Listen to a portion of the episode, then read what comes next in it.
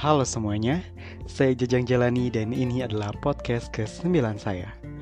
Pada podcast kali ini, saya akan sedikit berbagi mengenai memaknai emosi atau perasaan. Apa sih arti bahagia buat kamu? Apakah sama dengan arti bahagia bagi orang lain? Boleh jadi jawabannya berbeda-beda ya. Nah, karena pengertian atau pemaknaan bahagia itu sendiri berbeda-beda, kemungkinan pemaknaan untuk emosi-emosi lainnya pun akan berbeda-beda nih tiap orangnya. Oleh karena itu, penting sekali buatmu untuk dapat memaknai emosimu sendiri. Kenapa? Karena jika dan hanya jika kamu bisa memaknainya, maka kemudian kamu bisa mengelolanya.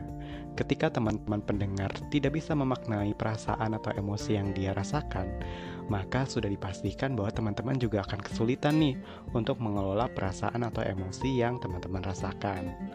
Nah, um, jika teman-teman menemui atau mengalami sebuah emosi atau perasaan yang mungkin baru pertama kali teman-teman rasakan dan teman-teman juga sulit untuk memaknainya, tidak apa-apa, teman-teman ambil waktu sejenak untuk kayak ya udah nggak apa-apa nggak tahu itu uh, apa maksudnya atau emosi itu apa.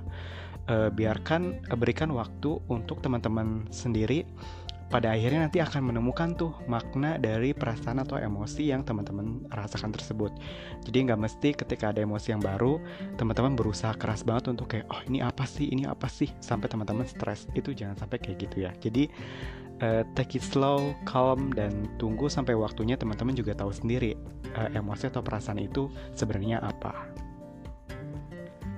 Atau nih jika teman-teman menemukan kebingungan tentang perasaan yang timbul di diri teman-teman, pastikan ada tuh ciri ciri-ciri atau indikator dari perasaan yang timbul itu kayak gimana. Contohnya ciri-ciri fisik yang teman-teman alami, perasaan fisik, pikiran, kayak gitu ya. Uh, itu teman-teman bisa juga tuh coba mungkin googling gitu kan, um, coba cari tahu kira-kira uh, ini tuh perasaan apa kenapa sih sebegitu pentingnya karena lagi-lagi ketika teman-teman mampu memaknai perasaan yang timbul di diri teman-teman maka uh, dengan begitu teman-teman juga akan lebih mudah nih untuk mengelola perasaan dan emosi yang timbul tersebut oke ya Cukup singkat podcast kali ini. Terima kasih banyak untuk teman-teman yang selalu setia mendengarkan podcast saya. Semoga um, podcast ini bermanfaat untuk kita semua.